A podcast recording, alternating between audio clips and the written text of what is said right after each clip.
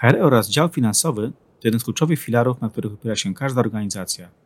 Choć każdy z nich obejmuje inne obszary i obsługuje różne procesy, współpraca pomiędzy tymi działami może pozytywnie przełożyć się na funkcjonowanie firmy. Czym jest HR Controlling? Czy liczby KPI to jedyny wspólny mianownik? Jak decyzje obu tych działów wpływają na strategię firmy?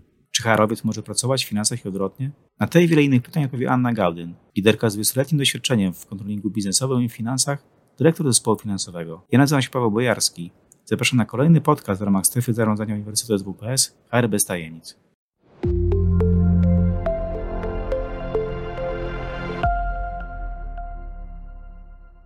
HR bez tajemnic to cykl spotkań strefy zarządzania Uniwersytetu SWPS, w którym rozmawiamy o zarządzaniu ludźmi i wyzwaniach, z jakimi w tematach rekrutacji, motywacji pracowników czy employer brandingu mieszą się menadżerowie, rekruterzy oraz działy HR w codziennej pracy. Więcej merytorycznych materiałów dotyczących zarządzania znajdziesz na stronie zarządzanie.swps.pl oraz w kanałach multimedialnych projektu na YouTube i Spotify.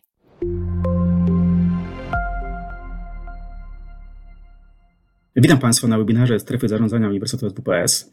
E, dzisiejszym tematem jest HR i finanse, czyli synergia w biznesie. E, ja nazywam się Paweł Bojarski, jestem absolwentem Uniwersytetu WPS. No już od kilkunastu lat jestem związany z międzynarodowymi korporacjami. Łączę zarządzanie procesami HR z zarządzaniem zmianą w oparciu o ład korporacyjny e, i przyszedłem duże doświadczenie w pracy w międzynarodowym środowisku o różnorodnych kulturach organizacyjnych. I tyle o mnie, bo moją gościem jest Ania Gaudyn. Witam Cię, Aniu. Witam Cię, Pawle. Ania jest liderką z 20-letnim doświadczeniem w kontrolingu biznesowym i finansach.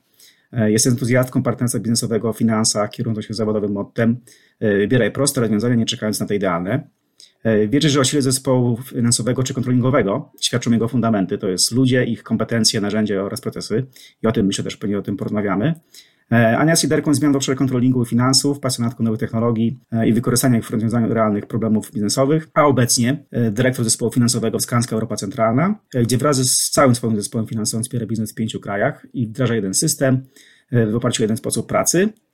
Jest absolwentką z GH, otwartą na eksperymentowanie i poszukiwanie, a jej grupa krwi to bądź pozytywny. O, Ania, to tobie, tak? Tak, to ja. To ja. Chciałam tylko podziękować serdecznie za zaproszenie. Czuję się zaszczycona, że dzisiaj będziemy mogli wymienić się naszymi doświadczeniami i może kogoś zainspirować jakimiś ciekawymi pomysłami. O, myślę, że na pewno. E, a zacznijmy trochę technikaliów. E, witam wszystkie osoby, które nas oglądają i słuchają. E, I zapraszam do zadawania pytań. Przez cały webinar obok takiego okienka z wideo znajduje się okienko czatu, gdzie mogą Państwo dyskutować, a także zadawać pytania, które będę w trakcie rozmowy e, przekazywać Ani, e, sobie naszą dyskusję. Długo myślałem o, o, naszym, na tym naszym webinarze, bo nasze doświadczenia, no tak teraz powiedzmy zaczęliśmy rozmawiać przed, przed spotkaniem, że gdzieś ten HR i finanse, kontrolik, no, no nie, nierzadko, że tak powiem, się prze, przewijały, zarówno w projektach, zarówno w jakichś procesach, optymalizacjach, strategiach. E, i tak dalej, tak dalej. Więc o tym chciałbym Cię porozmawiać, trochę poinspirować naszych, e, naszych słuchaczy, e, gdzie się różnimy, gdzie się, gdzie się łączymy. Tak jak w tytule, czy tylko nasz łączą liczby, czy jakieś jeszcze inne wątki.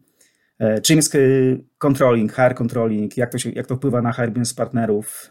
No i to, co chyba też jest ważne, z takiej perspektywy, myślę, że tych lat doświadczeń, jak to wpływa na strategię biznesową danej organizacji i firmy.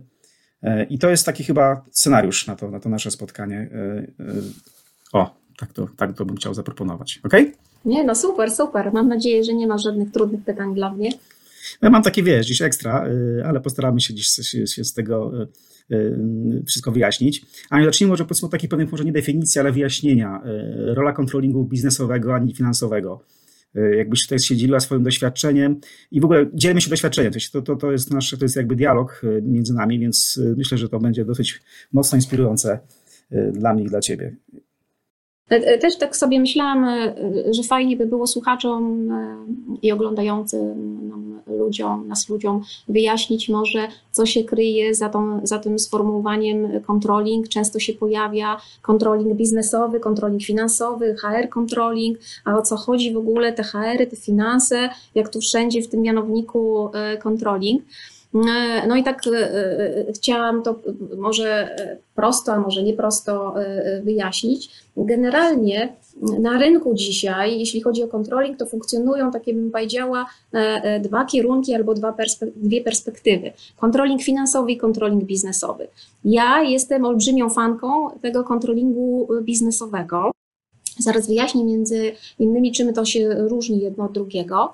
E, sama nazwa mówi o tym, że kontroling finansowy jest bardziej sfokusowany na finanse i na raportowanie finansowe, na dostarczanie takiej e, zarządczej informacji do szczebli e, zarządzania firmy, żeby móc podejmować lepsze decyzje e, i te raporty menedżerskie, i też pewne raporty korporacyjne, statutowe i innego rodzaju raportowanie. Natomiast ten controlling biznesowy jest moim zdaniem o wiele bardziej atrakcyjniejszy, dlatego że oprócz tego raportowania ma bardzo silny związek z biznesem. I tutaj trzeba już znać, rozumieć procesy, które się w biznesie dzieją. Trzeba rozumieć, jaka, jaką mamy strategię w firmie, jakie są cele w firmie, jak te cele firmowe przekładają się na cele biznesowe, bo tak naprawdę ten kontroler e, e, biznesowy, jednym z kluczowych zadań jest wsparcie biznesu i pomoc w tym, jak najlepiej osiągać te cele przy wykorzystaniu danych, analiz, raportów, e, raportów finansowych, ale też poprzez kontrolę, lepszą kontrolę kosztów albo optymalizację procesów, niekoniecznie tylko i wyłącznie związanych z finansami, ale mających wpływ na, na cele i strategie firmy. Dlatego taki podstawowy, bym powiedziała, rozróżnienie jest, że kontroler finansowy bardzo mocno fokusuje się na takim, bym powiedziała, E, raportowaniu finansowym i e, e, takim wypełnianiem oczekiwań związanych z funkcjonowaniem korporacji, raportowania takiego menedżerskiego, a ten kontroler biznesowy bardziej idzie w stronę biznesu, rozumiejąc, co biznes chce osiągnąć i wspierając biznes w osiąganiu tych celów, ale również w budowaniu pewnej świadomości takiej finansowej E, całe, jakby z całej organizacji. Chciałabym się Ciebie tak e, te, też podpytać, bo to jest e, jakby spojrzenie na ten controlling finansowy, a controlling biznesowy. I teraz fajnie by było odbić to w takim lustrze, jak to, jak to jest w HR-ach, bo ja czasami też się zastanawiam, no dobra, mamy ten HR controlling, a jak się ma HR controlling do HR business partnera, tak, który jest takim no, no, twarzą wystawioną do biznesu, tak jak ten kontroler biznesowy. No więc też miałem Ciebie zapytać, czy to jest bardziej taka, wiesz, czy to jest jakby trend, ewolucja czy rewolucja, też takie przejście z kontrola finansowego na biznesowego, bo też podobnie było i myślę w obszarze HR-owym. E, HR, People and Culture, tak, taka zmiana. E, w międzyczasie mm, pojawienie się takiej roli jak właśnie HR Business Partner, czyli znowu powiedzmy e, skupienie się na, na, na, na biznesowych aspektach. Gdzieś oczywiście zawsze są te kadry płace, jest rekrutacja, jest szereg, szereg jakby obszarów w HR-ze, który no jakby nie było zawsze ma wspierać ten biznes. I teraz jakby rzeczywiście, no, jeśli biznes ma się z kimś skontaktować, no to ten Harbin jest takim pierwszym kontaktem, takim pierwszą linią frontu, która e, po pierwsze no, zbiera te potrzeby odnośnie czy kompetencji, czy, czy, czy y, potrzeb rekrutacyjnych. Oczywiście się kontaktuje później z zespołami centralnymi, e, ale też, i to jest też takie moje doświadczenie i chyba nasze doświadczenia wspólne, że w pewnym momencie właśnie ten HR biznes y, partner jest też tak jakby ten kontroler biznesowy. I oni we dwójkę już siedzą przy stole, nie wiem, zarządem, dyrektorem, menedżerem, tak jakby dwie, dwie, dwie, dwie ręce y, zarządzające tym wszystkim, y, po to właśnie, żeby mm, ja to tak nazywałem, Aniu, zawsze, że trochę się sparingować, żeby HR trochę nie odleciał, że tak powiem, w kosmos ze swoimi potrzebami, bo dziś oczywiście zawsze te koszty są też no, podstawą funkcjonowania każdej organizacji. E, więc e, tutaj widzę taką, taką też, myślę, że ewolucję, że gdzieś ten HR Business Partner ma być nie tylko partnerem dla biznesu, ale też partnerem dla Was, w sensie mówię dla, dla, dla e, tego kontrolingu biznesowego. No i tak trochę idąc do brzegu, pojawiła się znowu taka też moja chyba takie postrzeżenie, taka ewolucja HR-u, właśnie HR Controlling, czyli znowuż połączenie tych dwóch funkcji z racji, z racji liczb, z racji pewnych dashboardów, czy takich trochę pulpitów menedżerskich, gdzie mamy zebrane te informacje, nie musimy ich gdzieś tam szukać w tylko po prostu potrzebujemy tu i teraz pewnej informacji liczbowej, ile, jak, jak to zrobić, ile to będzie kosztowało. Więc dla mnie taki HR Controlling to właśnie takie połączenie tych dwóch ról, w oparciu właśnie o taką wiedzę i taką też predykcję, co dalej którym kierunku ma organizacja iść, w którym kierunku ma się rozwijać, jak to zaplanować. O tym też pewnie porozmawiamy sobie, o tym całym planowaniu zasobów ludzkich. To taki mój konik, twój pewnie zresztą też, tylko z innej, z innej perspektywy. Więc dla mnie to jest taka trochę ewolucja, przejścia z takiego takich kadr i płac przez kadrowe wsparcie biznesu, przez HR Business Partner, a teraz HR Controlling. Bo rzeczywiście te, te wszystkie raporty, trendy, liczbowe, y, no, robią się popularne i dobrze, bo ja zawsze wierzyłem też, Ania, w to, że jednak taki benchmark zewnętrzny jest bardzo ważny jako informacja y, do naszej organizacji. Nie tylko te informacje, które się zgromadzą w, w środku, a trzeba się inspirować tym, co jest też na zewnątrz, więc no taki miks bym powiedział tego, tego, tego wszystkiego. To taka moja perspektywa herowa. Mhm. Znaczy ja ci powiem, że jak, jak ja jeszcze to rozumiem, bo też się zastanawiałam nad tym y, HR controllingiem, i mm, to jest e, takie, ja sobie tak to tłumaczę, takie trochę e, e, serce wszelkich KPI-ów, wszelkich analiz. Tak naprawdę HR Business Partner, żeby jeszcze lepiej dostarczać swoją wiedzę i kompetencje i, i dzielić się mm, jakby wnioskami z tych wszystkich procesów HR-owych, to w tym wszystkim też potrzebuje dużo danych danych z analiz właśnie i zatrudnienia, analiz rotacji ludzi, analiz tego, czy mm, jaka jest, nie wiem, absencja. Wszystko zależy oczywiście e, od, od branży, od rodzaju działalności, którą prowadzimy, czy to jest produkcyjna, czy inna, ale tak naprawdę w każdej z tych działalności, no, jednym z kluczowych, bym powiedziała, elementów jest człowiek, a człowiek no, jest też takim elementem trochę policzalnym, tak, ile ile godzin pracuję, tak? Jakie, jakie, jak właśnie, mm, jak często zmieniam pracę, jak ta rotacja przekłada się też na efektywność e, tych, tych procesów. Także dobry HR Business Partner to moim zdaniem musi być wyposażony w te pewne dane. I oczywiście znowu analiza tych danych, to tak samo jak w kontrolingu. To nie jest tak, że masz 10 kontrolerów i każdy siedzi ze swoją maszynką i nie, dobra, to ja sobie liczę, nie? Tylko my dzisiaj już staram się tak pracować, żeby w tle gdzieś mieć e, sprawny system, który wystawia dane, które są potrzebne do różnego rodzaju e, analiz. I to jest też mega fajne, co tam, co wspomniałeś, no, e, jak zaczęliśmy rozmowę o tych KPI-ach i tych panelach. Nie? Jeżeli dzisiaj sobie wyobrazimy, że taka, taki osobnik, nie? ten nasz nadszyszkownik, który prowadzi tą, nasz, nasz samochód, naszą rakietę czy nasz samolot w jakimś kierunku, to on, żeby podjąć decyzję, to nie tak, a do dzisiaj podejmuję decyzje finansowe, nie? I naciskam i dzisiaj lecą wskaźniki finansowe, a jutro podejmuję decyzje HR-owe, to wciskam i mam wskaźniki HR-owe, a pojutrze na przykład to ja potrzebuję wskaźniki prawne i wciskam i mam prawne. Tak nie jest. On, żeby podjąć dobrą decyzję, tak naprawdę potrzebuje spektrum, nie? Potrzebuje dużo zmiennych i widać coraz bardziej to, tą złożoność, że dzisiaj już, żeby podjąć decyzję, to jest potrzebnych tyle zmiennych, i różnych analiz, i tych właśnie tych ludzkich, i finansowych, i się okazuje, że jeszcze biznesowych w międzyczasie. I te wszystkie panele, e, czy te dashboardy, i panele, e, czy konsole e, mhm, mażerskie zyskują coraz bardziej na, na, na znaczeniu, no bo to one stworzą podwaliny właśnie skutecznych decyzji biznesowych. E, to właśnie to, to gdzieś e, już powiedziałaś i trochę powiem od, od, od efektu. Po pierwsze, no te, te analizy no, służą czemu? No, służą podejmowaniu decyzji. Tak? W sensie decyzja oczywiście jest na końcu tym, tym, tego procesu decyzyjnego, w sensie zebranie informacji, analiza, potrzeb, tak dalej, tak dalej, tak dalej. E, to to, a drugie to chciałem też jakby, cieszę się bardzo z tego, co powiedzmy też obserwuję na rynku polskim, czy, mm, czy w HR-ze, czy, czy, w, czy w kontrolingu, czy finansach, analityka biznesowa że to jest też w końcu jakaś gałąź, która się mocno rozwija, szczególnie w HR, to właśnie tak jak trochę nawiązuje do tego HR controllingu, że taka analiza biznesowa, analityka HR-owa też jest w końcu ważna, ten cały stan zatrudnienia, to co powiedziałaś, odejście dobrowolne, rotacja, e, jakieś inne jeszcze e, KPI -e, związane z różnorodnością, czy to wiek, e, czy to staż pracy, czy, czy nawet płeć. Też wiem, że jesteś fanką tego diversity i różnorodności i to nie na tym polega, żeby gdzieś tam oczywiście analizować dla samych liczb, tylko właśnie trochę jednak przewidywać przyszłość. Chyba takim moim byłym przykładem jest po prostu analiza mm, stażu i wieku. Wiadomo, że jest to nieukinione, że każde pokolenie będzie mm, w pewnym momencie e, wymieniane, że tak powiem, przez młodsze.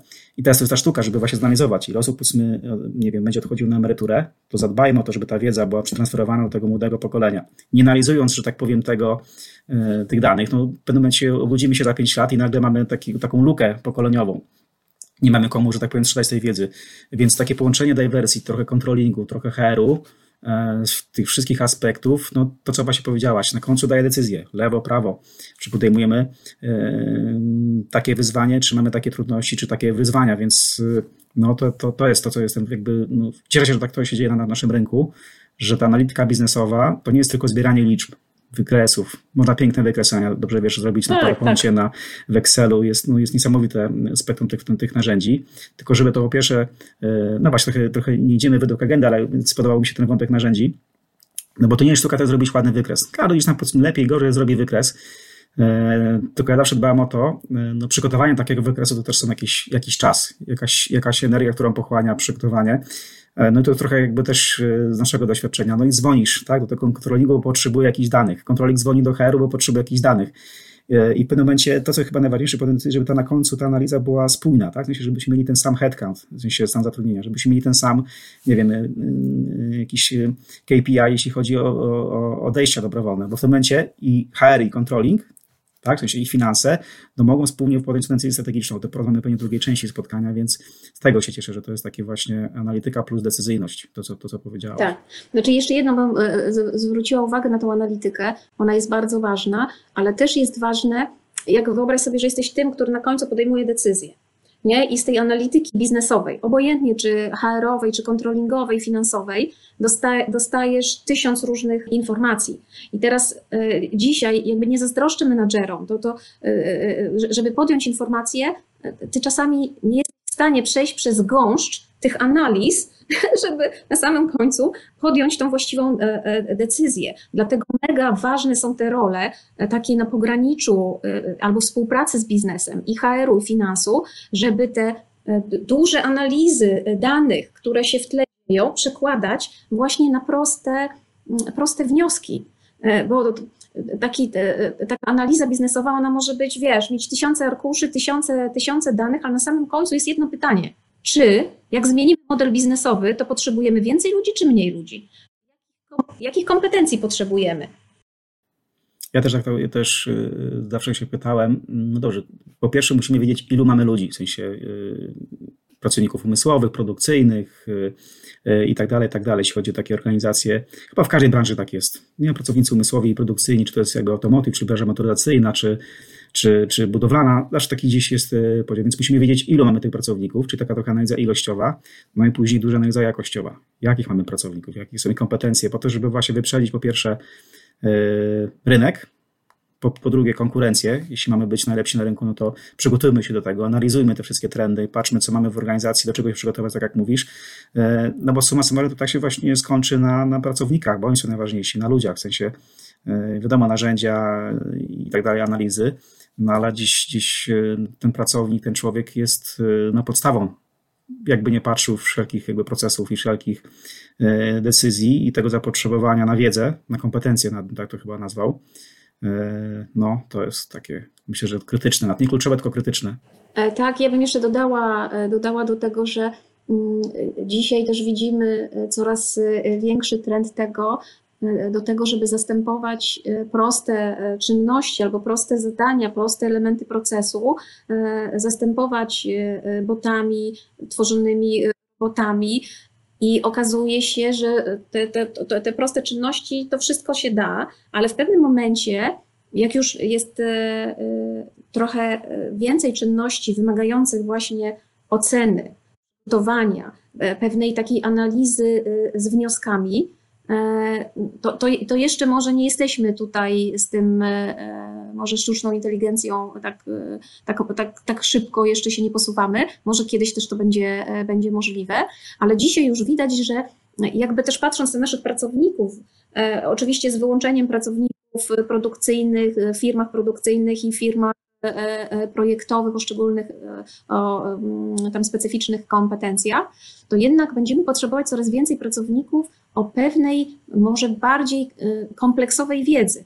Że coraz mniej będzie pracowników takich do tych prostych czynności, które dzisiaj już zastępujemy tymi robotami, a więcej będzie potrzeba pracowników, którzy potrafią też w ciągu swojej kariery zmieniać miejsce jakby ulokowania w organizacji, że potrafią się dopasować, że są proaktywni, są innowacyjni, że potrafią rozwiązywać problemy nie tylko z obszaru, w którym bardzo dobrze się czują, ale też potrafić, potrafią wyko jakby wykorzystywać różne informacje, wiedzę i niewiedzę z innych dziedzin, żeby zorientować się na to, na to rozwiązanie, które będzie najlepsze dla biznesu.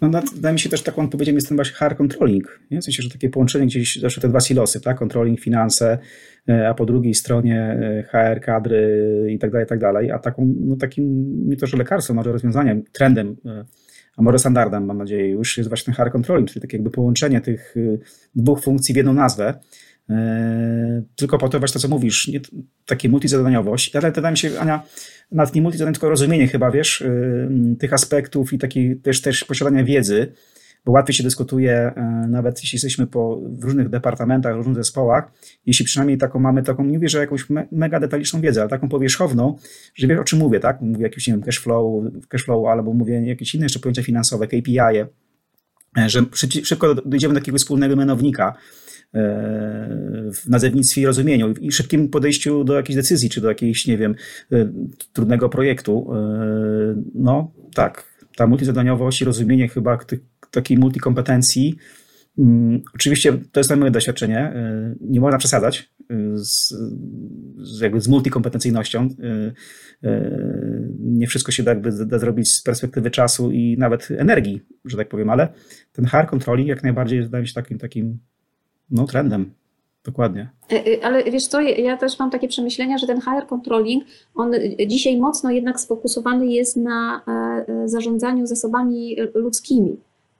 I jak osiągnąć sukces, jakby zarządzając tym swoim personelem. I to jest, i to jest clue, że jakby ten, ten człowiek i to, co powiedziałeś w tej analizie jakościowej i ilościowej, ma mega duże znaczenie na realizację strategii, realizację celów y, biznesowych, ale wydaje mi się dzisiaj cały czas, że w przedsiębiorstwach różnych, nie we wszystkich jest y, jeszcze HR controlling, są zadania i funkcje realizowane z tego obszaru przez różne działy, tak? Czasami przez HR, czasami przez controlling, czasami przez biznes, na przykład w biznesie E, e, przez, e, nie wiem, marketingowców, tak, analiza, jeżeli chcemy zwiększyć ilość produktów, to co to oznacza, ile więcej ludzi potrzebujemy i o jakich, o jakich kompetencjach. Także ten HR kontrolik, ja bym powiedziała, że on jeszcze cały czas jakby nie, nie wykorzystał maksimum swoich możliwości. Wiesz, w sensie takim, że jest rola w, w każdej, w każdej firmie i jakby tak samo jest wykorzystywana. Ja myślę, że dzisiaj dużo też w wielu zespołach HR-owych robi się tych, tych analiz związanych z zarządzaniem ludźmi, robi się dużo analiz ilościowych, trochę w oderwaniu od analiz jakościowych. A, a na przykład mi bardzo się podoba takie podejście połączenia tych wszystkich elementów, bo w, w kontrolingu tym biznesowym my bardzo dużo się fokusujemy na tym, jak cel powinien być dostarczony. Dostarczanie celu następuje oczywiście poprzez e, ludzi, ale poprzez inne, mm, inne rzeczy, na przykład, no, czy mamy wystarczająco, nie wiem, zasobów, działek, maszyn, materiałów i tak dalej, żeby wyprodukować to, co mamy wyprodukować. Tam, także tam jest jakby wiele różnych elementów, które docelowo, e, docelowo e, wpływają. I e, oczywiście tym kluczowym, o którym cały czas tutaj powtarzamy, to jest człowiek. I te człowieki, to my z jednej strony liczymy, tak brzydko mówię, bo wiadomo, że chodzi o, o ludzi, którzy pracują i realizują te nasze cele. W ujęciu tym ilościowym, czyli ile my potrzebujemy ludzi, żeby zrealizować ten nasz model biznesowy, czy ten model biznesowy on jest efektywny, a z drugiej strony my wiemy, że możemy mieć dwa równorzędne modele, e, modele biznesowe, a wystarczy, że e, realizują je dwa zespoły ludzi. W jednym e, mamy wszystkie kompetencje, a w drugim pewnych kompetencji brakuje, i też widzimy, że osiągamy różne efekty. I przechodzimy do tej analizy jakościowej, nie, która dzisiaj trochę jest poza HR controllingiem, więc jest w, w, tym, w tych procesach HR-owych, tak mi się wydaje, e, tych HR, e, HR Business Partner je realizuje, że tam jest cała ta analiza jakościowa, czyli jakie mamy kompetencje, które są silne, których nam brakuje i które, nad którymi musimy pracować, żeby je rozwijać i żeby dostarczać je do organizacji, żeby na samym końcu dostarczyć ten, ten cel. Bo często się tak mówi nie, o tych kontrolerach biznesowych czy finansowych, że oni tam liczą, liczą, podliczają te wszystkie te materiały, robociznę, wszystko, czy się zgadza, czy dostarczymy, czy nie dostarczymy, ale jest jeszcze ważny element człowiek. Jeżeli w tym zespole, który dostarcza ten produkt, usługę, mm, brakuje jakichś kompetencji, które są istotne do widzenia tej, tej, tej usługi czy produktu, no to wtedy się pojawia pytanie, no tam w tamtym zespole się nie dostarczyli, no bo wiemy, no tamten menadżer to na przykład y, nie potrafi e, strategicznie zarządzić i wie, że jak ten produkt jeden wyprodukował, no to tym drugim się e, nie zajmie, nie? I jakby co chcę powiedzieć przez to, że jakby jaka tu jest cienka granica między, e, między tym, tym takim kontrolingiem biznesowym, gdzie każdy sobie myśli, że tam liczą tylko kasa, jest zysk, marża i tak dalej, a tą częścią HR-ową, że nie tylko ilość i analityka taka mm, HR-owa e, się liczy, ale liczy się też jakość. A jakość to są właśnie kompetencje, to są wszelkie takie procesy e, oceny, jak mamy mocno zmotywowany, zaangażowany zespół, czy on e, jest zorientowany na przykład na cel, tak? Czy rozumie i jest w stanie przełożyć strategię firmy na swoje, na swoje działania i na to, co ma, co ma dostarczyć. To jest zestaw pewnych umiejętności, kompetencji, gdzie oczywiście każda firma chciałaby mieć e, pełne spektrum, ale wiemy jak jest, wiemy jak jest na, na, na co dzień, że no, kompetencji nam, nam brakuje. Mamy rotację naturalną, wymuszoną e, i cały czas musimy nad tym pracować. A czasami jedna osoba o, o takich stuprocentowych kompetencjach jest w stanie zrobić więcej niż, nie wiem, cały zespół ludzi, którym brakuje jej kluczowej kompetencji. Mhm. To tak słucham, ciebie, siebie, nas słucham i to tak yy, zaczęliśmy od tej definicji, czyli przeszliśmy przez ten HR, HR yy, controlling, to taki trochę był efekt nie, takiego połączenia, bo porozmawialiśmy sobie trochę o kontrolingu biznesowym, mm, o finansowym, yy, o HR controllingu, o, o HR biznes partnerach, tak żebyśmy mieli taką podstawę, bo troszeczkę o tym będziemy dalej rozmawiać. Te role się przenikają i E, no są pewne, pewnie różnice i podobieństwa e, i o tym bym chciał e, tak transparentnie i szerzej z Tobą porozmawiać, jak mamy ten właśnie w tytule HR i finanse, synergia w biznesie, no bo to oczywiście absolutny, niekwestionowalny, w ogóle niezaprzeczalny jakby efekt tej, tej, tej współpracy. Ale żeby ten efekt osiągnąć, no to zanalizujmy, jeśli możemy przez chwilę, co nas trochę łączy, co nas dzieli. Ja tak specjalnie zastanawiałem się, Ania, czy używać takich słów, co nas y, łączy, co nas dzieli. Myślałem o tym, czy gdzie możemy się uzupełnić wiedzą, ale chyba tak jakby trzeba nazwać rzeczy po imieniu. Co nas łączy, co nas dzieli, tylko po to, żeby osiągnąć efekt tej synergii, bo żeby też jakby, ja tak wiesz, żeby ta synergia, ta współpraca działała, to też musimy wiedzieć o swoich trochę ułomnościach i o pewnych brakach, tylko po to, żeby je uzupełnić. Nie to, żeby się tam gdzieś tam pastwić na tym, że brakuje tego, bo tego, tylko żeby te takie puzzle, o tak to chyba jakieś nazywaliśmy, żeby te dwa puzzle się po prostu połączyły, no to musimy popróbować je, tak, lewo, prawo, y, pobracać wokół własnej osi. E, no to pytanie, czy, czy zaczynamy od co nas łączy, czy co nas dzieli? Ja bym zaczęła od tego, co nas e, łączy. Elementów jest e, więcej, na pewno więcej niż tego, co nas dzieli. No ale co nas łączy, to już trochę żeśmy na początku sobie powiedzieli. Na przykład wszelkiego rodzaju, rodzaju analizy danych. Tak, bo w, w HR controllingu robimy bardzo dużo analiz związanych z zatrudnieniem, i w ogóle zarządzaniem e, człowiekiem, tak? A w kontrolingu tym biznesowym robimy bardzo dużo analiz takich też e, operacyjnych i biznesowych. Mm, ile, tak odnoszę się trochę do działalności projektowej, ale ile i jakich projektów, o jakiej marży, w jakim regionie mm, e, jest realizowanych. I te analizy czasami się łączą, bo na przykład ile zarobiliśmy na przykład zysku na określonych projektach realizowanych przez project managerów, którzy mają pracy większy niż. I to nam już na przykład mówi, czy staż pracy ma na to wpływ, czy nie ma, czy na przykład doświadczenie ma wpływ, czy, czy nie ma, żeby znaleźć jak najwięcej tych elementów, które może nam wpłynąć na jakby zwiększanie tego, tego zysku. Tak? I nie tylko jakościowe, ale też ilościowe, nie?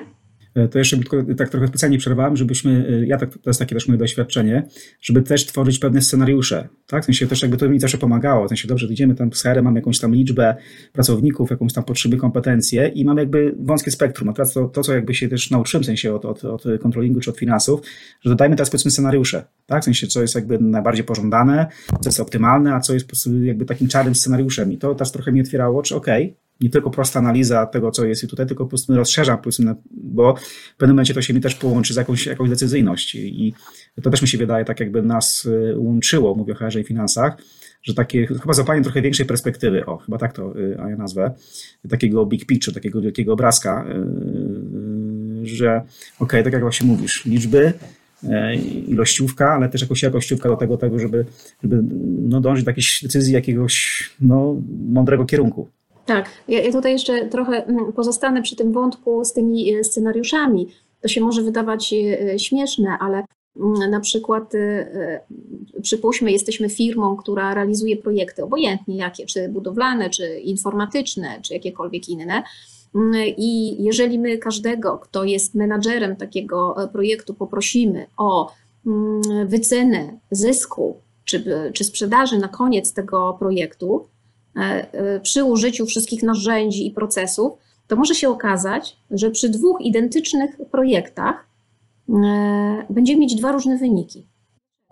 Dlatego, że jest też ten taki, bym powiedziała, ludzki element tego, że jeden człowiek jest na przykład bardziej optymistyczny, drugi człowiek jest na przykład, a ja tak konserwatywnie, bo wiesz, bo ja nie wiem, no, na ostatnim projekcie to mi się to nie udało. I wtedy e, nagle, jeżeli masz tych dwóch e, menadżerów siedzą z tobą przy stole, i masz e, tak naprawdę odpowiedzieć sobie na pytanie, no to dobra, to który wynik jest lepszy? Ten, który jest taki optymistyczny, czy ten, który jest taki konserwatywny? Dlatego na przykład ja i myślę firmy dużo czasu poświęciły też na to, żeby znaleźć jakiś, jakąś platformę, która potrafi pozwolić ci skalibrować, jaki naprawdę jest ten wynik na końcu. I, I fajna jest ta metoda scenariuszowa, gdzie e, tak naprawdę zmuszasz tego człowieka, który robi tą wycenę, no dobrze, to w takim najlepszym scenariuszu, to co ty myślisz? Co by było na koniec? A w najgorszym scenariuszu, jak wszystkie ryzyka wystąpią i żadne szanse, to jaki będzie ten wynik? A teraz, odnosząc się do Twojego doświadczenia, tak, masz tam, nie wiem, 5-10 lat doświadczenia w realizacji tego typu mm, projektów informatycznych, to jak myślisz, jak ten, jaki ten wynik tego projektu powinien być na koniec? I dzięki takiej kalibracji, tej analizy scenariuszowej, dochodzimy na, na, na, samym końcu do tego, aha, no dobra, to to już wiemy, ten to jest zawsze bardziej optymistyczny, będzie ciągnął w stronę tego najlepszego scenariusza, a ten trochę zawsze e, e, ciągnie e, w stronę tego konserwatywnego. I to też jest mega wiedza. Jeżeli jest, mamy duże przedsiębiorstwo, które nie tylko analizuje dane z wykonania, ale też analizuje przyszłość, czyli to, co będzie za kwartał, za miesiąc, to te wszystkie dane związane z, z prognozami i scenariuszami mają znaczenie. Jak wiemy, jak ludzie podchodzą do tych prognoz. Słowo klucz, które też jakby chciałbym, żebyśmy zapamiętali, kalibracja. To też jest, y, no, jeśli nawet nie jedno z najważniejszych, bo jakiś efekt musimy się, że tak jak, jak długo się uczyłem słowa kalibracja, w sensie nie to, że słowa, tylko procesu może kalibrowania, tak? w sensie jakiegoś takiego e, szlifowania z jednej strony, później takiego scenariuszowania, to co właśnie mówisz, w sensie zamknięcie oczu i na, no, piękny scenariusz, jaki sobie wyobrażasz, powiedzmy generalnie, a z drugiej strony ten czarny scenariusz e, jest ten optymalny. Teraz skalibrować, tak? W sensie zważyć to, co rzeczywiście jest realne, myślę, e, w biznesie, żeby też nie być jakby no, kolokwialnie wziąć na siebie za dużo, że tak powiem, później nie, oczekiwania zawsze są i można się jakby rozczarować, więc wydaje mi się też, tak jak takim słowem kluczem z pierwszej części naszego spotkania, no jest ten HR controlling i analizy, analiza biznesowa, różne aspekty. Myślę, że kolejnymi słowami y, kluczowymi jest to, to, te scenariusze. To jest takie moje doświadczenie. Rzeczywiście dać sobie trochę przestrzeni na, na popatrzenie z innej perspektywy na, na, na, na pewne tematy. No i kalibracja. Kalibracja jest genialna, tak bym powiedział nawet w pewnym y, w procesach i analizach. No, kalibracja to, to co powiedziałeś, bo mm, ona jest takim mocnym, mocnym efektem biznesowym. Też tego chyba oczekują też jakby no, czy zarząd, czy menedżerowie, czy, czy kadra zarządzająca. Pewnych rekomendacji i tam też powiedzmy kalibracja była pewną rekomendacją albo powiedzmy takim wynikiem, negocjacyjnym e, różnych e, scenariuszy, różnych podejść. Tak? W sensie, czy wychodzimy z tego spotkania, e, czy to HR, czy controlling, czy inne zespoły funkcyjne wspierające, no to wyjdźmy z czymś, tak? z jakimś produktem, który jest idealny, na który się wszyscy zgadzamy. To też taka, też taka moja nauka mm, jako produkt końcowy, żeby móc podjąć właśnie tę decyzję. Tak, a wiemy o tym, że wszystkie osoby, które zarządzają albo pełnią funkcje na jakichś szczeblach zarządzania, Mm, tak naprawdę podejmują decyzje w oparciu o dane, a te dane, jeżeli dotyczą predykcji, czyli przyszłości, e, znowu są obarczone pewnym takim tym e, mm, czynnikiem e, ludzkim. Bo to, to nie jest tak, że wiesz, da się wszystko wpisać w Excel, wszystkie założenia, ale wystarczy, że te założenia są bardzo optymistyczne albo bardzo konserwatywne i taki dostajesz wynik. I też chodzi o to, że ta kalibracja tak naprawdę pozwala temu, który podejmuje finalnie te decyzje, wiedzieć to dobrze, to jaki jest ten realny poziom, realny y, y, kierunek. Jak się zmienimy, to tyle będzie. Znowuż, a i kolejne słowo, które podsumuje się, że decyzyjność, w sensie, że jakby do czegoś musimy doprowadzić. Te analizy, zarówno finansowe, czy harowe, czy kontrolingowe, no to, to nie jest sztuka dla sztuki, żeby po prostu, mówię, tak jak wcześniej wspomniałem, tworzyć pewne wykresy analizy, tylko to ma y, na celu po prostu podjąć decyzję. Nieważne, czy jakby to jest trudna, czy łatwa, bo zawsze jako decyzja musi być podjęta, ale ta, ta analiza, ta kalibracja, te scenariusze ma dać nam ten taki pogląd i taki szeroki już obraz, y, zarówno na podstawie jakby analiz, które mamy, czyli trochę przeszłości, to też Ania zawsze taką, mieliśmy taką dyskusję, że no dobra, no, dane to już jest przeszłość tak naprawdę.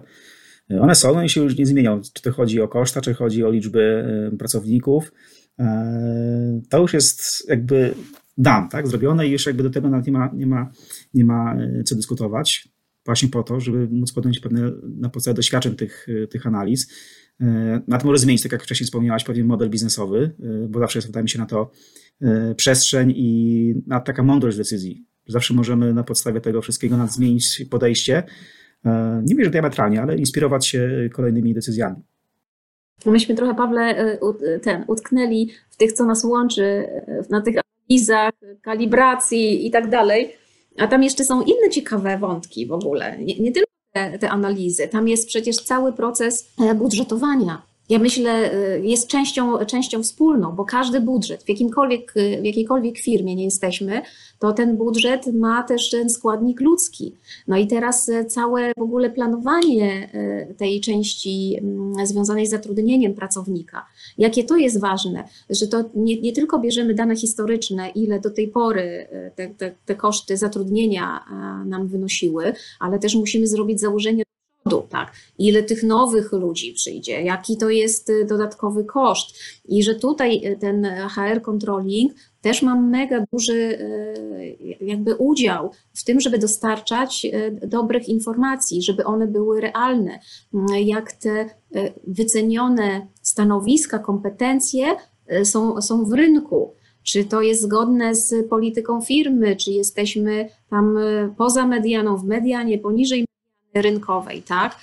To, te, to też ma swój, e, swój wpływ. W ogóle e, analiza kosztów zatrudnienia w czasie. O tym też się mało mówi, że no dobra, no dzisiaj tyle płacimy, to tyle liczymy. Ale ja zadaję pytanie, dobrze, dzisiaj tyle płacimy, ale w przyszłym roku jak te kompetencje, ile te kompetencje będą, e, będą warte? Czy lepiej kupić kompetencje na rynku, czy lepiej rozwijać ludzi, których mamy w środku i e, jakby cały czas budować ich portfel e, nowych kompetencji? Także te, te budżetowanie to te w kontrolingu i w HR-ach to też jest mega ważny, e, mega ważny proces. I nie robimy tego raz do roku. No. To po pierwsze, po drugie też to, co powiedziałaś, że e, nie, chcę, nie użyć słowa inspiracja, ale zasięgnięcie wiedzy właśnie tej takiej finansowej przy planowaniu tych kompetencji, e, czy taki trochę benchmarking, też takie uwarunkowania, no nazwę to po prostu ekonomiczne, to jest też, co, co nas łączy. To jest właśnie to, to, to, co też jakby cieszę się, że tak jest, że to nie tylko jest taka czysta analiza harowo, kadrowo, płacowa, tylko ta właśnie też trochę mm, finansowo-ekonomiczna, bo jednak finanse to ekonomia, to tak bardziej się jakby kojarzy niż jakby nawet z czystym harem, ale bierzemy, tak, pytamy się tych finansów, słuchajcie, ale jakie są, jakie, jest, jakie są wasze przewidywania, no bo wy analizujecie e, rynki, wy patrzycie, jakie są koszta, czy to jest inflacja, czy coś jeszcze, jakieś inne, inne rzeczy, to też jest takie coś jakby mm, rzecz wspólna, której się wzajemnie uczymy, czy jakby trochę mówię, bierzemy wiedzę, inspirujemy, czy finanse, czy, czy, czy HR, po to, żeby właśnie stworzyć pewne założenia, do, do strategii, do projektu, e, do, do pewnych e, przyszłościowych nawet działań. To jest też, wydaje mi się, to nas łączy, że taka trochę wymiana wiedzy, e, inspirowanie się, no bo wy macie jakby dostęp, jeśli mówię wy, w sensie mówię o finansach, że HR, ok, no to połączmy te siły, dajcie nam jakby ten input, ten taki wsad merytoryczny, ekonomiczny, po to, żeby właśnie móc analizować kompetencje, czy móc analizować rotacje, bo widzimy, tak, w sensie te, że to jest takie, taka duża maszyna połączonych naczyń, tak, w sensie jeśli chodzi o proces cały, całego takiego jakby zarządzania, nie tyle nawet zarządzania zasobami ludzkimi, ale generalnie zarządzania organizacją, biznesem. Y, to jest jakby taki mój chyba, y, taka mała puenta, o tak bym powiedział. Tak, tak, ale to budżetowanie, ja myślę, że ono jest, y, wiesz, dużo szersze, bo budżetowanie to jest nie tylko wyliczenie kosztów, ale to jest sprawdzenie, czy ten nasz model biznesowy się sprawdzi, czy dostarczy ten oczekiwany e, efekt, czy jeżeli chcemy się rozwijać, to ile musimy modeli e, multiplikować i ile to jest dodatkowych ludzi, a ile też dodatkowych kosztów i, e, i czy tych ludzi będziemy mieć z kompetencjami Może też być odwrotnie. Jesteśmy firmą, która zamierza się redukować i restrukturyzować. I co to oznacza? Chcemy odejść od jednego modelu, chcemy zostać przy drugim. To co to oznacza z punktu widzenia e, HR-owego? E, nawet same takie e, procesy związane z restrukturyzacją, to, to się wiąże nie tylko znowu z kalkulacjami, ale też e, znowu z, z, ludźmi, jak te rzeczy komunikować, jak wcześniej komunikować, jak przygotować cały proces, jak przygotować menadżerów do całego tego procesu restrukturyzacji. Może by się wydawać, że to gdzie to, gdzie to HR, gdzie to controlling, ale tak naprawdę na samym końcu to jest człowiek i, też pieniądz pieniądz liczy y, firma, a jeżeli chce mieć dobry model biznesowy, zmotywowanych, zaangażowanych ludzi, to i ludzi, y, ich kompetencje bierze pod uwagę. Ten, ten, jak mówimy to budżetowanie, to ja to budżetowanie to widzę trochę szerzej. To nie są tylko pliki budżetowe, w których mamy składniki i podsumowane. Za tym wszystkim są e, ludzie i cały właśnie cały ten, e, ten model, e, model działania, co my chcemy, gdzie jest nasza wartość w firmie, w, w, czym tkwi ta wartość dodana, którą my sprzedajemy na rynku, co to jest. Tak, y, myślę sobie, czy y, no wymieniliśmy wiele rzeczy, y, które nas łączą. Od scenariuszy, analiz, kalibracji, budżetowania, kompetencji i analizy rynku. E, kosztów. No bo to są jakby podstawowe narzędzia, czy procesy, bym powiedział nawet, e, działalności, czy to organizacji, czy firmy. I tak powiem zastanawiam się, czy coś nas, czy coś nas, coś nas, coś nas dzieli, tudzież różni. E, I szczerze mówiąc, powiem Ci, tak jak teraz rozmawialiśmy, ciężko mi jest to powiedzieć. Nie to, że miałem jakieś przygotowane nawet przykłady, bo chciałem, żeby to właśnie była ta dyskusja jakby wzajemna, inspiracyjna.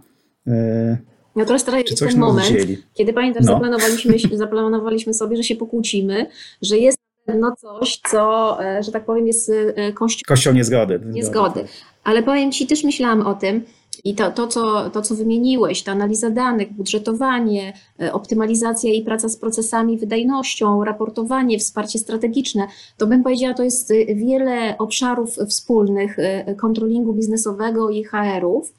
Ale to, co nas dzieli, to też widzę. Wszystko zależy znowu może od człowieka i podejścia, ale jak sobie e, wyobrazisz, że w tych naszych zespołach nie mamy takich e, otwartych, e, takich, bym powiedziała, skoncentrowanych na rozwiązaniu problemów ludzi, którzy się fokusują tylko na tym obszarze, którym się zajmują, to może być taka powiedziała, różnica, że jeżeli HR by się skupił tylko i wyłącznie na HR-ach i na, tych, na, analizy, na analizie ilościowej jakościowej, w oderwaniu od tego, co przynosi wartość, jest kluczowym modelem e, biznesowym, a controlling by się skupił tylko i wyłącznie na, e, na plikach budżetowych, podsumowaniu e, kosztów i analizie procesów, to tak naprawdę jakby zamknięci w tych, tych naszych silosach, to wydaje mi się, że dużo trudniej byłoby biznesowi to ogarnąć, bo e,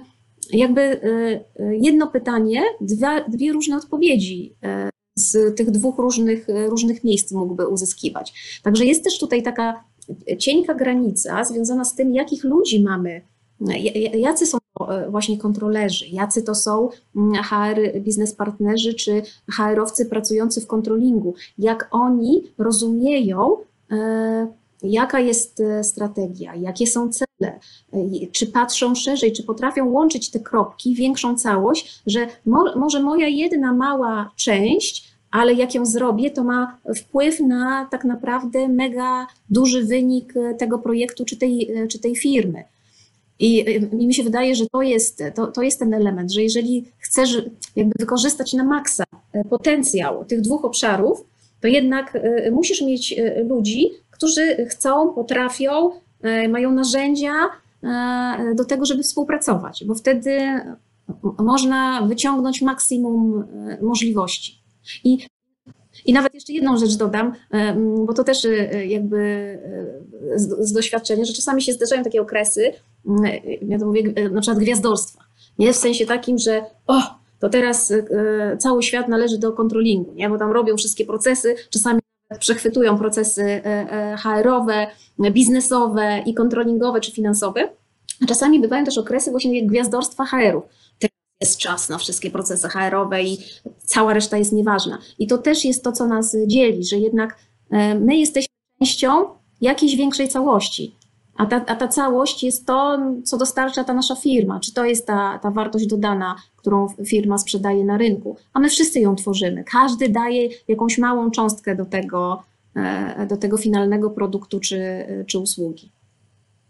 E, I to też mi się tak układa, Ania, trochę taką całość, e, jak tak rozmawiamy sobie. Tak, zaczęliśmy pewne definicji, wyjaśniliśmy sobie pewne, pewne podstawowe rzeczy, jeśli chodzi, tak jak mówię, biznes, finanse, controlling, HR, biznes partnerzy itd., tak itd. Porozmawialiśmy, no myślę, że bardzo mocno o ludziach, czyli znowu mam tak jakby, przytoczymy takie trochę trzy części. Ludzie, zaczęliśmy trochę płynnie przejść do procesów, tak? w sensie, że mamy procesy czy budżetowania, czy kalibracji, E, no i mamy jeszcze narzędzia. Oczywiście narzędzia bardzo się łączą z tymi procesami. Gdzieś, gdzieś jakby to jest tak jakby trochę linia, tak? W sensie ludzie, procesy, narzędzia. E, I tu bym chciał jeszcze chwilę z tą porozmawiać, no bo mamy te procesy. E, I na moment przeskoczę z tego, z tego dzielenia, co nas dzieli, co nas łączy. I też chciałem taki przytoczyć jakby przykład, to mi się bardzo podobało w pewnym momencie w, w różnych organizacjach, no bo nieuniknionym jest tak zwany proces jakby to, budżetowania, to jasne, ale pewnego forecastu, tak? czyli kwartalnego gdzieś tam zjazdu najważniejszych osób i patrzymy, co się dzieje przed nami. E, I podobało mi się to, że powiedzmy takie spotkania z udziałem czy zarządu, czy prezesa, czy prezeski y, kady zarządzającej, że w pewnym momencie to nie były dwa oddzielne spotkania, że dobra, teraz część harowa i część finansowa. Podobało mi się, że w pewnym momencie na spotkaniu był zarówno kontroler, jak i powiedzmy HR Business Partner. I oni musieli powiedzmy generalnie przedstawić pewną wspólną wizję zarządowi, menedżerom, czy to chodziło o proces, czy powiedzmy projekty. Czy taki forecast już nie był taki rozdzielny, tylko rzeczywiście siedziały dwie osoby, mówię o HR-ze i mówię o finansach i controllingu, e, więc jakby to, co nas jakby dzieliło, czy tak trochę wizja, w którym kierunku będzie to kosztowało, ile potrzeby ludzi, jakie kompetencji, tak ważymy, że w pewnym momencie to, to nas też połączyło, czy te, te różnice paradoksalnie nas trochę połączyły e, i nas łączą na, na takich spotkaniach. E, to tak jakby też mm, słuchając Ciebie jest takim moim mocnym doświadczeniem e, jako proces, taki wspólny proces, wspólna wizja pewnej rzeczy. No ale są narzędzia, tak? W sensie mamy właśnie, czy to jest, czy Forecast jest procesem, czy narzędziem, to moglibyśmy pewnie długo dyskutować na kolejnym takim webinarze, ale wiem, że powiedzmy jesteś taką fanką. Ludzie, procesy i narzędzia jakbyś to podzieliła się doświadczeniem, e, jak te trzy elementy z naciskiem na narzędzia, jak, jakie ty masz doświadczenie w tym wszystkim? E, znaczy, powiem tak. Oczywiście każdy z tych elementów jest, e, jest mega ważny. Narzędzia. Narzędzia to jest znowu multum najróżniejszych instrumentów, systemu, który używasz, aplikacji, e, sposobu komunikacji, transferu e, tych danych, e, jak one są do, dostępne, jak zarządzamy danymi w firmie. Tak? To, to jest dla mnie element tych, tych, tych, tych narzędzi, skąd się biorą te dane, to odpowiada za jakość tych danych, nie tylko za, za ich zbieranie. Sam proces znowu e, też jest mega ważny, bo e, cały czas się mówi, tak, że wszystkie nasze procesy muszą być efektywne, musimy się optymalizować, bądźmy bardziej agile albo bardziej lean, nie? że dzisiaj jest dużo takich e, modnych sformułowań, ale tak, tak naprawdę na samym końcu jest ten proces, ktoś odpowiada za ten proces, jest właścicielem tego procesu od początku do końca, patrzy, co jest w nim efektywne, co jest nieefektywne, co można zmienić, co nie można zmienić. I tym trzecim składnikiem, który łączy i te procesy, i te narzędzia, no to jest człowiek, bo im więcej mamy przypuśćmy ludzi o kompetencjach związanych z zarządzaniem dan, danymi i systemami, tym masz lepsze wykorzystanie y, narzędzi. Jak y, pracujesz z procesami, to im więcej masz kompetencji y, u ludzi związanych z procesowym podejściem, z poszukiwaniem optymalizacji, efektywności, redukcją marnotrawstwa, to też znowu ten, ten, ten człowiek jest. Można sobie oczywiście powiedzieć, no my se stworzymy idealny proces i narzędzia, że wcale ten człowiek nie będzie nam, nam potrzebny. E, ale powiem tak, z mojego doświadczenia jeszcze nie spotkałam takiej firmy, która ma tak idealne narzędzia i procesy, że tego człowieka nie potrzebuje e, w tym do, do drive'owania. I tak kiedyś też żeśmy rozmawiali, rozmawiali, Paweł, nie wiem czy pamiętasz, że generalnie by się zastanowić, jakbyśmy tylko w firmie zatrudniali ludzi, którzy mają najlepsze e, kompetencje, które potrzebujemy, żeby realizować ten produkt czy usługę. I ten, ten gościu jest y, na, na maksa kompetentny w zakresie finansów i HR-ów, nie? To w ogóle jakbyśmy tego kontrolera czy tych HR, czy byśmy potrzebowali, jak przychodzi gość on wszystko wie. Tylko ja do tej pory nie spotkałam takiej firmy, która by była na takim poziomie y, dojrzałości, żeby miała tylu menadżerów, którzy mają tak wszechstronną wiedzę, że są w stanie sami realizować wszystkie procesy HR-owe, sami realizować wszystkie procesy finansowe, e, e, tak przy okazji, bo tym głównym procesem to jest ten proces biznesowy. To się trochę też odnosi znowu, tak e, sorry za dygresję, z tym naszym też systemem edukacji że jak kończymy te nasze studia, to oczywiście dostajemy wszechstronną wiedzę i wiemy, wiemy gdzie szukać, ale tak naprawdę jak trafiamy do nowego miejsca pracy, to musimy się uczyć wszystkiego od nowa. Ale jasne, jasne, y, ale fajnie mieć te fundamenty, fajnie, w sensie, tak, że tak. to zabrzmiało. Dobrze jest mieć takie fundamenty, bo to jednak przyspiesza pewnie ten proces jakby adaptacji, bo tak bym powiedział, y, jak już jesteśmy zrekrutowani, to ta adaptacja jest jakby przyjemniejsza nawet, tak, w sensie jak mamy te, ale zgadzam się absolutnie, że, że wiedza teoretyczna i później praktyczna to jest po prostu petarda, w sensie jak już mam taką, taką bombę, że tak powiem, witaminową w postaci wiedzy, no to jest, jest, jest, jest, jest super. A ja tak patrzę na zegarek, oczywiście mamy jeszcze te 4 minuty, ale mam jeszcze takie jedno pytanie, e, bo tak rozmawiamy właśnie o kompetencjach, o controllingu, o finansach, e, Harbins partnerach, e, tych rolach, to co zdefiniowaliśmy. Ania, ja jestem harowcem i chciałbym pracować w finansach. No, co mam zrobić, albo czy, czy to jest w jakiś, czy to jest możliwe? I drugą stronę też, Ania, że też jakby, jak jest jakby tutaj twoja, może nie, nie tyle doświadczenia, po prostu taka twoja, twoja wizja e, takiej synergii e, w biznesie. Czy to jest w ogóle do zrobienia i czy warto? No, o, to takie chyba jest takie pokrętne pytanie. Ja ci powiem, że ja generalnie nie widzę tutaj e, żadnych przeciwwskazań. Jeżeli ktoś chce z jakiejkolwiek dziedziny, w której dzisiaj jest, czy jest inżynierem, czy jest HR-owcem i chce pracować w finansach, to ja uważam, że to jest możliwe. To, jest możliwe. Oczywiście może być mu trudno na początku, dlatego że E, ta wiedza jest, e, jakby jest dużo, dużo tych wątków. Nie, bo jak ktoś już pracuje w finansach, no to fajnie jakby wiedział, tak, co to jest rachunek wyników, co to jest bilans, czy składa, co ma na to wpływ, e, jak na przykład model biznesowy przekłada się na przychody, na wynik, na marże i tak dalej, ale to jest kwestia do nauczenia, nie ma żadnej tajemnej, tajemnej wiedzy. I w moim doświadczeniu, tam ponad 20-letnim, w finansach, w kontrolingu, Pracowały ze mną osoby, e, które były inżynierami i okazało są świetnymi e, kontrolerami i finansistami. Osoby, które skończyły, nie wiem, oceanografię i też trafiły do finansów i też się świetnie sprawdziły. E, nie, nie pamiętam, żeby ktoś z HR-ów chciał tak bardzo mocno pracować w finansach. Nie spotkałam się, ale generalnie jestem, jestem mega, mega otwarta na to, że jakby ktoś chciał, to jesteśmy w stanie, y, przygotować i przeszkolić każdego, kto chce.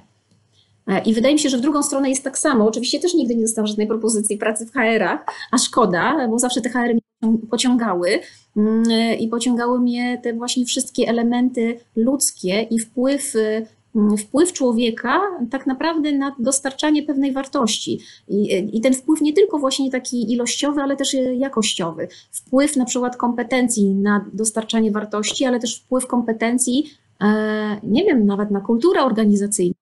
O jakiej mamy ludzi, o jakich kompetencjach pokazuje, jaką chcemy albo jaką mamy e, kulturę w firmie, jak się kontraktujemy z ludźmi mm, e, w tym obszarze na przykład miękkich, e, miękkich kompetencji. Także tutaj wydaje mi się, że jest dużo, dużo różnych, różnych wątków, ale nie widzę żadnych przeciwwskazań do, do, do, do zmian, a widzę nawet dużo mm, fajnych doświadczeń,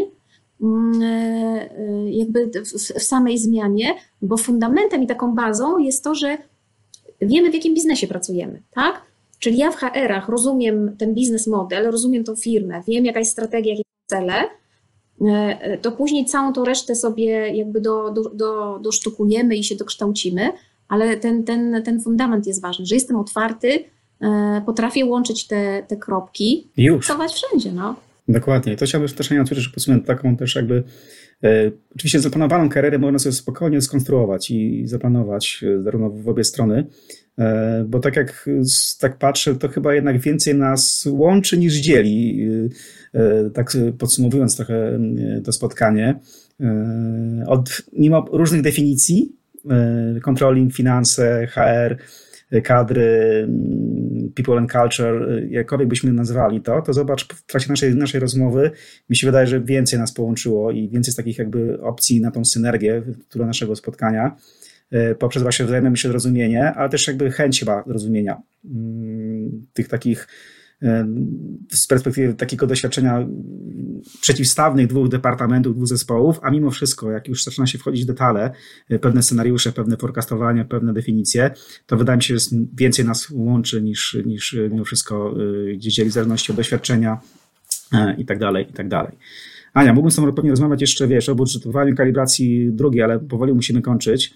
E, więc bardzo Ci dziękuję za, e, za dawkę. Wydaje mi się, o to chodziło też takiej wiedzy e, z perspektywy finansów, kontrolingu w zderzeniu z HR-em, że jest to, jest, to, jest to pole na współpracę i na wzajemną inspirację. Więc Aniu, bardzo, bardzo Ci dziękuję za, za, za wszelką wiedzę, którą tutaj nam no, dałaś. Jeśli mogę zachęcić, powiedzmy, bo jeśli pojawiły się jakieś wątki pozwolę sobie zachęcić do kontaktu z Tobą poprzez LinkedIna czy inne social media. Yy, o, zapraszam. Zapraszam, zapraszam do kontaktu. Jeżeli ktoś jest ciekawy, z chęcią się podzielę e, doświadczeniem. Bardzo też Ci, Pawle, dziękuję za e, zaproszenie i ciekawą, interesującą rozmowę. Mam nadzieję, że kogoś po drugiej stronie zainspirowaliśmy jakimiś tutaj wątkami. Więc e, Aniu, dziękuję bardzo za rozmowę, e, a Państwu za, za, za wysłuchanie i, i, i, zapraszamy na kolejne webinary. E, w międzyczasie zachęcamy do czytania, oglądania, słuchania naszych materiałów na blogu Strefy Zarządzania Uniwersytetu WPS. Dziękuję Ci bardzo, Aniu. Super, dziękuję bardzo. Pozdrawiam.